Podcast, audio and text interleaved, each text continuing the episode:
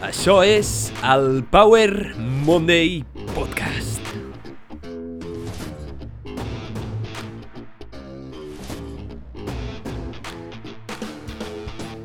Benvinguts al Power Monday Podcast. Soc en Pau, el teu apassionat de salut, inspiració i ciència, i estic molt agraït de que estiguis escoltant aquest episodi. Si has navegat prou temps per internet, t'hauràs trobat alguna vegada algun anunci que diu el següent. El secret que el teu metge no vol que sàpigues. O el medicament que el teu metge no vol que provis. Els resultats són increïbles. O potser el secret més ben guardat de la medicina, el suplement miraculós que et farà 10 anys més jove. I ja no només anuncis, sinó vídeos o clickbaits o influencers que et prometen solucions miraculoses als teus problemes, gurús, el que sigui. Doncs has estat de sort, perquè en aquest podcast parlarem dels secrets. Els secrets reals que al teu metge li encantaria que sapiguessis, però que no t'ha arribat a explicar o que no t'ha fet entendre del tot bé. Que no són secrets, sinó principis que la humanitat i la ciència han descobert en els últims segles. I és que sovint és molt fàcil deixar-se portar pels titulars o per als anuncis que prometen una solució fàcil i ràpida als nostres problemes de salut o eines que ens poden permetre millorar la salut. Però a l'hora de millorar la teva salut, què és el més important de tot? Si haguessis de començar per algun lloc, per on començaries? En aquest episodi porto, doncs, principis científics validats, establerts al llarg de la història, que han demostrat que t'ajudaran a viure no només més, sinó molt millor. Principis que et poden ajudar com han ajudat a milions de persones en aquest planeta. I és que si entens aquests conceptes bàsics i apliques les eines que compartirem tu, tens una alta probabilitat de viure molt més temps, tenir menys malalties i sentir-te millor.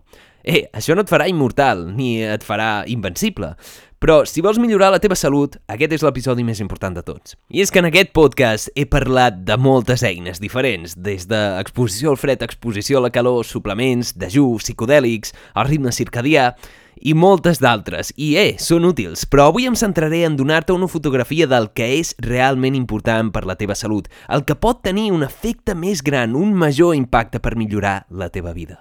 Abans de començar aquest episodi, deixa'm fer-te un petit recordatori. Si us plau, si t'agrada aquest contingut i creus que té el potencial d'ajudar alguna persona a viure millor, comparteix-lo i t'estaré molt agraït perquè faràs arribar més lluny la paraula del Power Monday Podcast. Pots trobar aquest podcast a moltes plataformes diferents, com Spotify, Google Podcast, iVoox, Apple Podcast, on tenim on em posis un m'agrada, un seguir, i si pots, una valoració i m'ajudaràs moltíssim amb tot el tema de l'algoritme i no perdràs cap episodi. A partir d'aquest episodi ara també em pots escoltar a Ràdio Manlleu cada dilluns de 8 a 2 quarts de 9 del vespre. I per últim em pots trobar a la Xeta on pots donar suport a aquest contingut i també a Instagram Power Monday Show. Tots els enllaços de les xarxes i plataformes, així com els estudis científics que parlo en aquest episodi estan en la descripció d'aquest episodi. Així que si ets una persona curiosa i vols més informació i vols contrastar la informació que comparteixo, mira a la descripció d'aquest episodi. Dit això, aquest és l'episodi més important de tots i té el potencial de canviar-te la vida de manera radical. Espero que aquest episodi t'ajudi a viure més temps, viure millor i a sentir-te bé si aquest és el teu objectiu. Per tant, anem a començar aquest episodi. Som-hi! Aquest episodi ve sense trucs de màgia, sense pastilles miraculoses i sense promeses grandiloquents, sinó amb solucions reals, principis i eines pràctiques que t'ajudaran de debò si ets un ésser humà i prens acció. Parlarem de solucions que depenen de tu, parlarem d'aquelles coses que tu pots modificar amb les teves accions, no les que depenen de l'ambient o de la mala sort o de la teva genètica. Intentaré fer-ho el màxim amè possible perquè no es converteixi això en una xapa de com has de viure, sinó que deconstruiré els pilars de la salut perquè els entenguis i puguis prendre acció i entenguis com i quan o per què és tan important prendre acció en aquests pilars. Aquest episodi es basa completament en un principi, en una idea, que és el principi de Pareto, o la regla del 80-20, on la majoria de resultats provenen de poques accions i principis. És a dir, el 80% dels resultats sol provenir del 20% de les accions. Per tant, vull anar a l'arrel, a la base, al que és realment important, perquè moltes vegades menys és més si et quedes amb allò que és important de debò. Perquè tot quedi més clar i perquè s'entengui tot més bé, utilitzarem la metàfora d'un edifici. La teva salut és com un edifici. Primer parlarem dels fonaments, on es recolzen els pilars que aguanten aquest edifici, que és la teva vida. Parlarem de tres principis bàsics i fonamentals i de cinc pilars de la teva salut i accions que pots fer per canviar-los que aguanten un sostre o una taulada que és la teva vida. I bàsicament, si aquesta taulada o aquest edifici s'esfondra o cau, estàs mort, estàs fotut. Així que et pots imaginar la teva salut com un edifici romà amb uns fonaments i cinc pilars ben grans i ben, ben gruixuts que recolzen en el terra, en aquest fonament, i que sostenen aquest sostre que és la teva vida. Aquests pilars i aquests fonaments són universals per tothom i funcionen per tothom. Per cada pilar respondrem tres preguntes diferents. Què fa important aquest pilar? Què ens diu la ciència? I com podem millorar aquest pilar? Com el podem fer més resistent i com el podem construir millor? I per últim, parlaré de dos destructors de fonaments i pilars que vindrien a ser com terratrèmols o meteorits que tenen la capacitat de rebentar aquest edifici que és la teva vida o la teva salut. Dit això, anem a veure els principis dels fonaments. Són tres principis. Començarem per al més important de tots. El principi número 1 és que la solució ràpida als teus problemes de la vida és la següent. Donar-te compte que les solucions ràpides no existeixen i començar a dedicar-se a les bases fonamentals. Sé que sona avorrit, però no és més que que els hàbits són molt poderosos. Sovint busquem solucions ràpides a problemes complexos. Ens encanta creure que podem alliberar-nos del patiment amb un sol suplement, un nou tipus d'exercici o utilitzant mètodes casolans completament antiintuitius i estranys per millorar la nostra vida. Ens agrada creure que algú ha trobat una clau, però amb el temps que porto en el món de la salut puc afirmar amb total certesa que les solucions ràpides no existeixen i que la solució ràpida real es troba en adonar-se d'aquest fet i posar-se a millorar els pilars bàsics que veurem més endavant. Per tant, el principi fonamental bàsic és el següent. En la salut, com en moltes coses de la vida, la constància a llarg termini guanya la intensitat a curt termini. Si ets constant i dediques recursos i temps als pilars importants de la salut, els problemes seran menys intensos i desestabilitzaran poc el teu sistema establert, el teu edifici. Tindran una menor probabilitat de manifestar-te, et sentiràs millor, més, més fort i seràs més estable i més resistent. Les solucions agudes als teus problemes són més aviat rares i tenen poc efecte, sí, però els problemes o cagades agudes també són més aviat rars i tenen poc efecte. És a dir, si alguna vegada menges malament o no fas exercici, no passa absolutament res. Està bé fallar algun dia, no contradiu la constància, no cal ser neuròtic. El que sí cal és recordar el que és important. I el més important és la trajectòria global, no el que facis en un sol dia en concret. Ara bé, sí que els problemes aguts, en funció de la seva intensitat, poden destrossar tot el que has construït. Si supera el llindar de la intensitat mínim, poden carregar-se el teu edifici. Posaré un exemple. No és el mateix menjar malament un dia o no dormir bé un dia, que xutar-se heroïna un dia. La intensitat dels dos estímuls o dels dos estressors és completament diferent per al teu sistema. No és el mateix sortir a córrer i fer-te una mica de mal al genoll per l'estrès repetitiu que tenir un accident de cotxe. Hi ha alguns d'aquests estressors, com per exemple les infeccions o el càncer, que no podem controlar. Però per molta sort, en aquest món en el que vivim tenim molt bons metges i molt bones solucions a aquests problemes, com les infeccions i les malalties. Llavors, confia en els professionals, però recorda que el teu cos o el teu edifici és adaptable i reconstruïble fins un cert punt. Pot aguantar molta merda, però té un llindar de tolerància. Per tant, no et desanimis, comença el més aviat millor, augmenta aquesta resistència i recorda que la salut és un viatge, no és un destí, i que hi ha estressors que poden destrossar aquest edifici. Anem a per al segon principi. El segon principi dels fonaments ens diu que els cinc pilars que aguanten la teva vida o la teva salut estan interconnectats. De manera que si un d'aquests pilars millora, la resta tendeix a millorar indirectament i viceversa. Si algun empitjora, pot ser que els altres empitjorin. Però també, si tens molt d'un i poc dels altres, com per exemple estàs molt sa però no tens amics, això et pot portar a la misèria. Però normalment, quan comencis a millorar un dels pilars, els altres també ho faran de manera automàtica. Per tant, es produeix una resposta quasi exponencial quan comencem a invertir en un dels pilars. Millorar en una àrea et porta a millorar a la resta. El tercer i últim principi dels fonaments és el següent. Cada edifici és únic, com cada persona. En aquest món, cadascú tindrà diferents situacions, diferent genètica, diferent ambient en el que s'haurà d'adaptar per créixer en aquest món i desenvolupar-se. Cadascú és únic i irrepetible i, per tant, tindrà unes necessitats diferents, que pot ser que no s'ajustin a les de tothom. Però dit això, tots som humans. Compartim una biologia comuna, el 99,9% dels gens, i un ambient molt semblant. Som animals, som homo sapiens, i com a tals hi ha principis que se'ns apliquen a tots, dels quals, per molt especials que siguem, funcionen. I ja sé que mola sentir-se especial, però En quant a biologia, som iguals. No malinterpretis, ets únic, irrepetible. No hi haurà ningú com tu exactament en tota la història del temps, però no deixes de ser un homo sapiens. Així que utilitza el coneixement de les teves característiques i les teves circumstàncies al teu favor. Utilitza la informació que aprens i aplica-te-la de manera personalitzada sense infravalorar l'impacte dels pilars universals. Per tant, no et creguis tan únic, però entén les teves pròpies circumstàncies. Llavors, resumint, hem vist tres principis que sostenen els pilars fonamentals i la teva salut. El primer de tots és que la constància venç a la intensitat a curt termini, el segon és que els pilars de la salut estan interconnectats i s'impacten els uns als altres tant per bé com per malament, i l'últim de tots és que ets únic però no deixes de ser un ésser humà, així que personalitza aquests principis i aquesta informació a la teva situació individual. Utilitza el coneixement que tenim per viure la teva millor vida. Vistos i entesos els principis dels fonaments, anem a per cada pilar, de la manera més clara i pràctica possible, però que quedi clar que per cada pilar se'n podrien fer milers i milers d'episodis i no podré cobrir-ho tot en aquest episodi, però intentaré deixar el que és més important cobert possible. Per la informació en més profunditat faré més episodis i pots trobar més episodis d'aquest podcast per cada un dels pilars i en trobes a la descripció d'aquest episodi. Per tant, ràpidament anem a veure aquests 5 pilars de la salut. Respondrem, com t'he dit, a tres preguntes. La primera de totes és què el fa important i com, la segona és què diu la ciència i la tercera, com pots actuar, què pots fer per millorar-lo. Anem a començar directament per al pilar més important de tots, que és dormir. Dormir és probablement l'hàbit més important de la teva vida. I és que tots sabem que si passem uns dies sense menjar ens morim de gana. Potser alguns aguantarien més temps que d'altres, però Dormir és també tan essencial com menjar. I és que si t'estàs uns dies sense dormir et moriràs o et quedaràs trastocat de per vida, com els que han intentat trencar el rècord del món que n'han tornat a ser ells mateixos. Què fa important aquest pilar i com? Dormir és el teu centre de reparació física i mental. Et passes un terç de la teva vida dormint. Això vol dir que si vius uns 90 anys, dormiràs uns 30.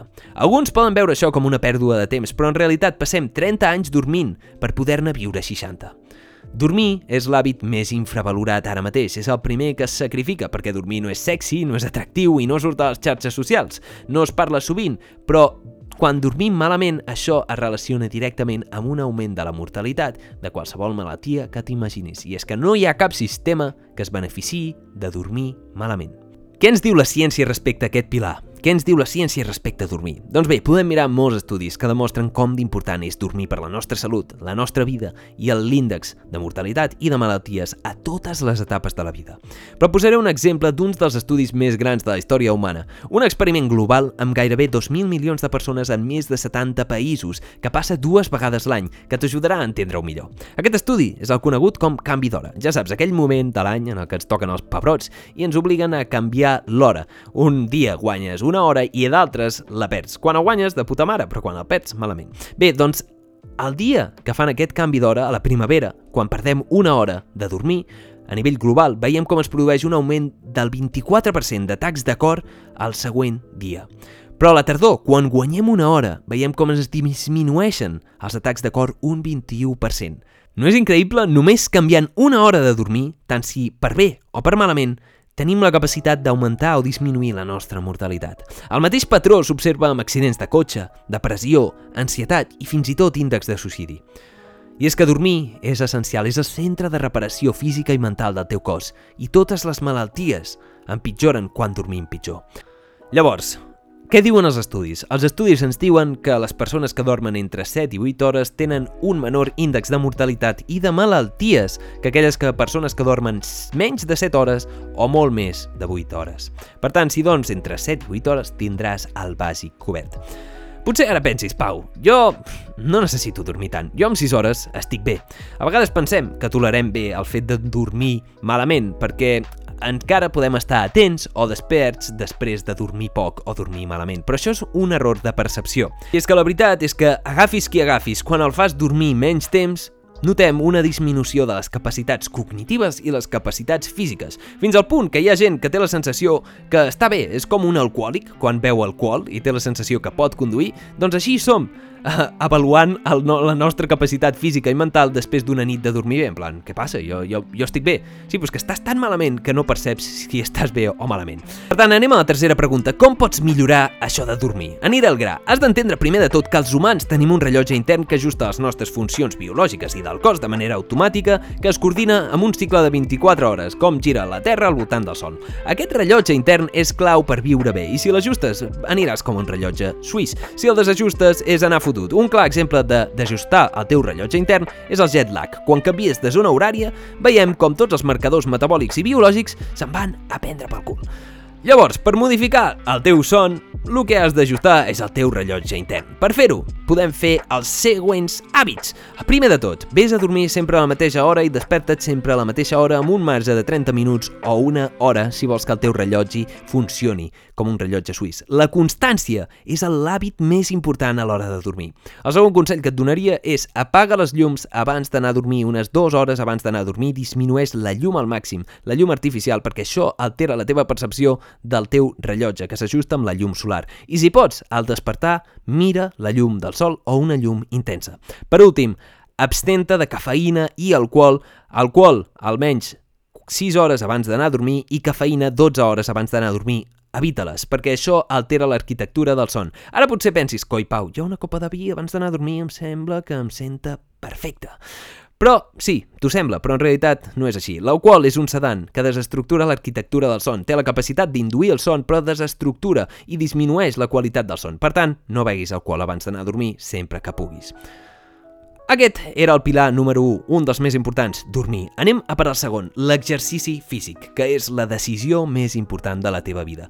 Què fa important i com és important l'exercici físic? El teu cos s'adapta a allò que fas i també a allò que no fas. Com diuen els americans, if you don't use it, you lose it. Si no ho utilitzes, ho perds. Si no estimules el teu cos, aquest s'atrofiarà i es tornarà com un flam, perdrà la seva capacitat. El teu cos és molt adaptable i si en la teva vida vols mobilitat, força, capacitat, resistència, entrenar-lo és essencial. El teu cos ets tu, és el teu vehicle existencial. El teu cos envellirà i perdrà capacitats, però si l'entrenes, aquesta caiguda es frenarà i podràs viure més temps i millor. Com sabem que és important? Què diu la ciència? Doncs bé, sabem que l'exercici important des de pràcticament els d'inici del temps. Hipòcrates ja va observar que estimular el cos i els músculs és beneficiós per la teva capacitat cognitiva i física. Va dir Hipòcrates que menjar sol no mantindrà bé un humà, també ha de fer exercici. Això ha estat validat per una gran quantitat exagerada d'estudis d'intervenció i observacionals canvis que fer exercici permet disminuir no només la mortalitat, sinó l'índex de malalties de manera radical. Un estudi va observar com les persones que passaven de ser sedentàries, és a dir, de no fotre res, d'estar tot el dia al sofà, a fer una mica menys d'exercici que la mitjana, disminueix un 50% la probabilitat de morir, i aquells que passaven per sobre la mitjana, entre un 60 i un 80%. Per tant, Fer exercici ha demostrat disminuir el risc de malalties, curar malalties, prevenir més de 40 malalties com el killer número 1, que són les malalties cardiovasculars, també la depressió o el càncer. Per tant, és la decisió més important de la teva vida, perquè realment l'exercici, a diferència de dormir o menjar, no tens elecció. Pots escollir fer exercici o no, però si escolls fer exercici et sentiràs millor, viuràs més temps i et sentiràs molt millor que si no ho fas. Per tant, fes exercici. Com el pots fer o per on començar? Per on començar, oi, amb l'exercici? És fàcil perdre's en els mètodes, els protocols. Ja només de pensar-hi et fa mandra. Per on començo? Quin gimnàs m'apunto? Què collons faig? Si t'has de quedar amb una lliçó d'aquest episodi, que sigui la següent. La clau és moure's, passar-s'ho bé. Comença per allò que t'agradi. Treballa a diferents rangs i en diferents àmbits. Salta, balla, aixeca pes escala, mou-te tant com puguis. Entrena el teu cos com a mínim 30 minuts a diari, perquè, sents sitgers, si no tens 30 minuts per tu mateix, es pot dir que no tens vida. I amb això et garanteixo que amb 30 minuts al dia viuràs més temps i viuràs millor, guanyaràs força, resistència que si no fas, estaràs molt millor. I si ja fas més de 30 minuts al dia, com més, més facis, més beneficis veuràs. En l'episodi número 88, en l'anterior episodi, et parlo de l'exercici amb molta més profunditat i alguns consells que et poden ajudar a començar el teu viatge del fitness. Fes-li una escoltada. Anem a per al tercer pilar, que és la nutrició. Ets literalment el que menges. Què fa important la nutrició i com? El teu cor no va aparèixer espontàniament. El teu cor està construït de les molècules i els àtoms que en un dia vas ingerir. Així que tot el teu cos està construït d'allò que menges. I no mola construir una casa amb totxos de merda, volem totxos de qualitat. Per tant, menges per poder viure, per poder sentir i per poder experimentar aquesta vida, per poder moure't en el món. La qualitat de la teva vida depèn directament de la qualitat d'allò que menges, la qualitat d'allò que et construeix i també una mica la quantitat. La nutrició pot semblar molt complexa i poc previsible, però lluny de la veritat té principis essencials que ara veurem. Què ens diu la ciència respecte a la nutrició?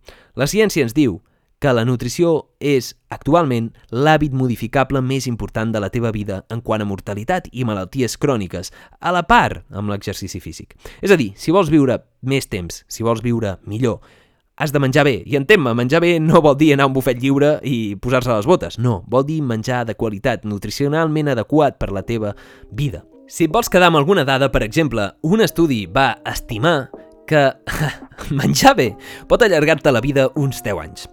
Els autors d'aquest estudi indiquen que el canvi d'una dieta típica western a una dieta optimitzada als 60 anys augmentaria l'esperança de vida 8 anys. I quan més aviat comencis, més allargarà la teva vida. 8 anys només per menjar millor.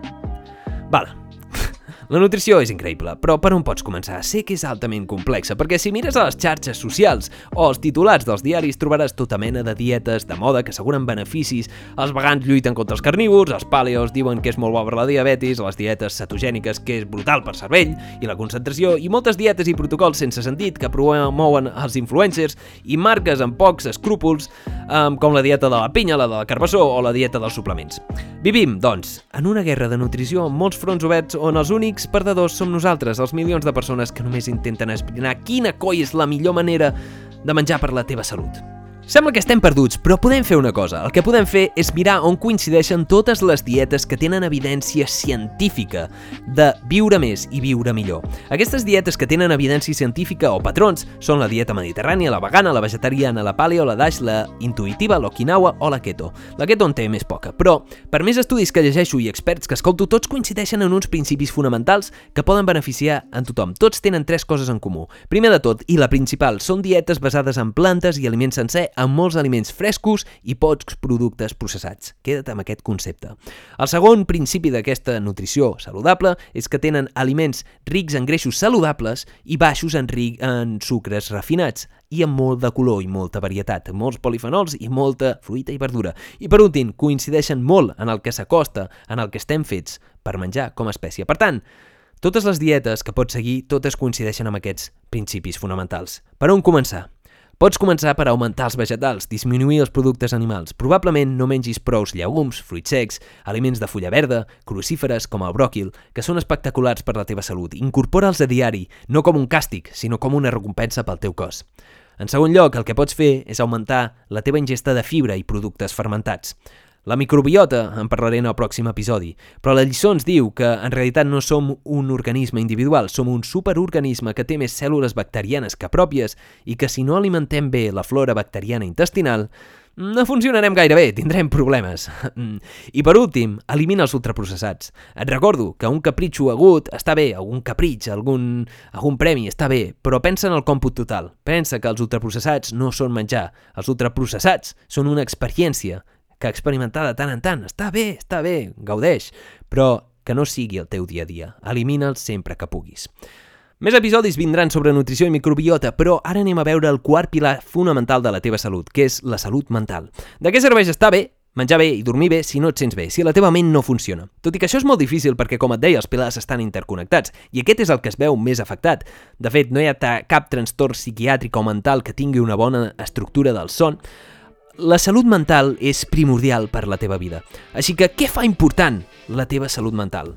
La teva ment és extremadament poderosa i té la capacitat de fer-te sentir bé o malament, encara que les circumstàncies siguin iguals. La bona notícia és que la ment és moldejable i pot aconseguir coses increïbles. La ciència ens diu, als estudis observacionals, que una de cada quatre persones adultes tindrà un problema de salut mental al llarg de la seva vida. El 50% d'aquests trastorns apareixen abans dels 18 anys i sovint no es diagnostica fins més enllà de l'edat adulta. Uns 350 milions de persones almenys viuen amb depressió, 700.000 es suïciden anualment i per cada suïcidi hi ha molts més intents. Una persona suïcida cada 40 segons en els últims 45 anys ha augmentat el suïcidi un 60% i entre els joves i adolescents el suïcidi és una de les primeres causes de mort. Estem vivint aquesta epidèmia i tenim un problema. Hem de començar a dedicar més temps i més recursos a la nostra salut mental. I com ho podem fer? Per on començar? Si tens problemes de salut mental, si us plau, afronta'ls, busca ajuda. I és fàcil caure en la trampa d'intentar solucionar els problemes de la ment amb la ment, però creu-me, no funciona. Un problema no es pot solucionar en el mateix nivell que es va crear. Et porto tres eines que potser poden ajudar, però primer de tot, si tens problemes greus i severs, busca ajuda d'un professional. La psicoteràpia està estigmatitzada, però està bé. És ajudar la ment a ser més resistent. Primer de tot, el primer consell que et donaria és la meditació. 15 minuts al dia ha demostrat que és el gimnàs de la ment, té el potencial de reduir ansietat i depressió. El segon consell o hàbit o acció que pots prendre és utilitzar les tècniques de respiració i està molt lligat amb la meditació. Les tècniques de respiració són la clau per entrar a la nostra fisiologia. Utilitza tècniques de respiració cada dia i la teva salut canviarà radicalment. I per últim, per eines de salut mental, una de les eines més potents que estem veient a nivell científic ara mateix és fer un diari, el journaling, escriure, utilitzar el paper i el boli per escriure els teus pensaments i les teves reflexions t'aportarà molta claretat i t'ajudarà a separar la teva ment, les mentides que t'explica, de la realitat. Està clar, com et deia, que la salut mental millora a través dels altres pilars. Exercici físic, dormir i menjar bé t'ajudarà en aquest sentit. I és que no hi ha cap malaltia mental que no millori gràcies a dormir millor, fer exercici i menjar bé. Així que recorda el que és important. Per últim, anem a per al cinquè pilar, les relacions socials. Per molts, les relacions socials són el més important de la vida, i és que sense compartir aquesta vida amb les persones que t'estimen, la vida no tindria sentit. Pots dormir bé, estar bé, menjar bé, estar fort, tenir la ment afilada com un ganivet, però estar sol et pot enfonsar-te en la misèria.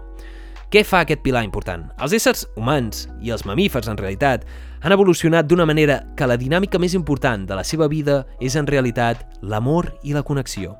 L'amor i les connexions és l'oceà en la que l'ésser humà es desenvolupa i evoluciona. Sabem que ara estem més connectats que mai, però més sols que mai. Vivim en petites bombolles socials desconnectats, um, aparentment, i creiem que les relacions socials es poden substituir a través de les xarxes socials, però això no és així. Els estudis estan observant com la solitud augmenta any rere any i com aquestes relaciona directament amb trastorns mentals i problemes de salut. És probable que la solitud augmenti el risc de mortalitat un 26%, segons un estudi publicat el 2015, la solitud i viure sol i les males connexions socials s'ha equiparat amb fumar 15 cigarrets al dia o com l'obesitat, però és un regne completament diferent. I és que estudis experimentals, fins i tot amb animals com les rates, mostren que l'aïllament induït pot comportar un major risc de mort, càncer i moltes malalties metabòliques. No és només una alteració social, és una alteració biològica. I està clar, els humans no som rates, per descomptat, però aquest principi sembla que es reprodueix a tots els mamífers. La solitud és dolenta per la salut a nivell biològic. Si és que, si els humans i els mamífers hem evolucionat perquè la connexió i l'amor sigui la dinàmica més important de la nostra vida, té lògica que quan se'ns priva de relacions socials, els humans tenim conseqüències biològiques que afecten la nostra esperança de vida i la probabilitat de patir malalties. Per tant, vivim menys temps i vivim pitjor. Com pots millorar aquest pilar? Bé, no sóc cap expert en relacions socials, ni molt menys, i en aquest camp tinc un sol consell. Dedica molt més temps a les teves relacions. Queda amb amics, amb persones que estimes i contacta'ls, però surt de casa, queda amb ells en persona. Comença una relació quan puguis, i, sobretot, dedica temps a la relació que tens amb tu mateix. Preocupar-te per la teva salut és estimar-te tu mateix i també ajuda a portar la teva millor versió als altres, als que t'estimen.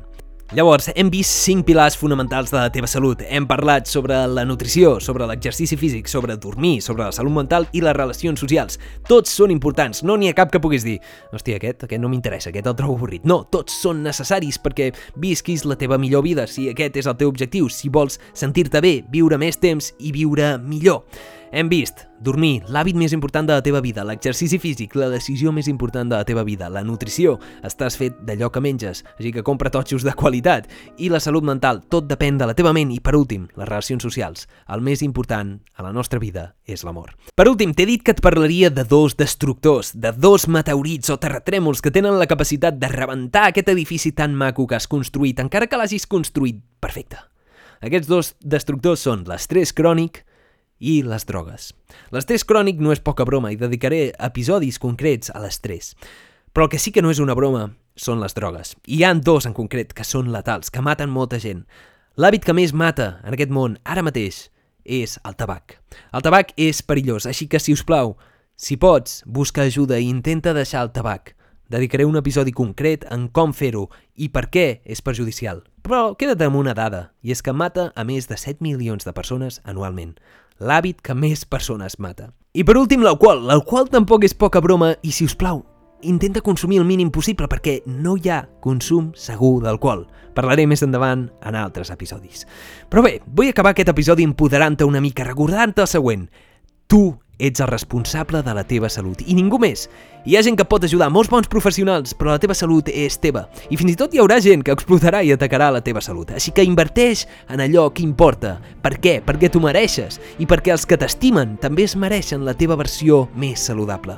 Tens un poder molt més gran del que creus, company. Molt poder en millorar la teva salut.